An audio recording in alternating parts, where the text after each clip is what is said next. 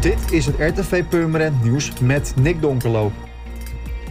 Op basis van anonieme meldingen heeft de politie in een woning uit de Dijkskampenlaan een hennepkwekerij aangetroffen. Deze woning is op dinsdag 13 december voor drie maanden gesloten.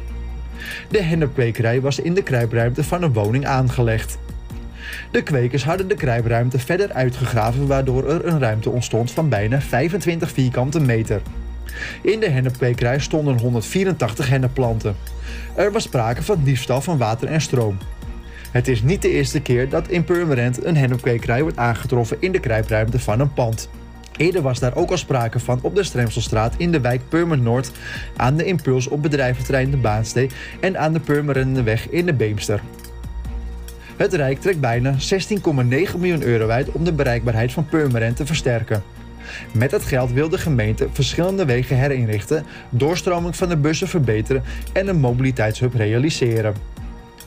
Hoog op het Purmerendse verlanglijstje staat de herinrichting van de Waterlandlaan, Purmersteenweg en de gedempte Weren.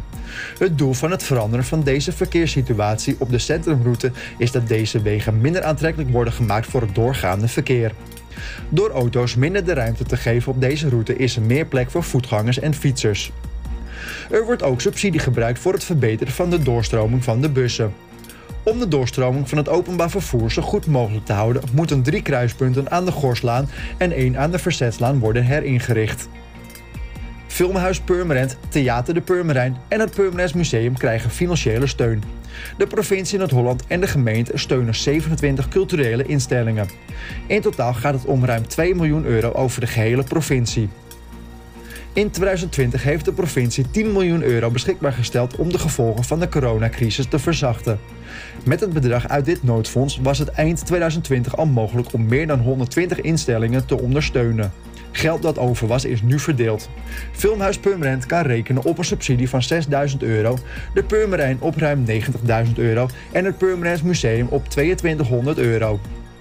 Voor meer nieuws, kijk of luister natuurlijk naar RTV Purmerend. Volg je onze socials of ga je naar onze website, dat is www.rtvpurmerend.nl.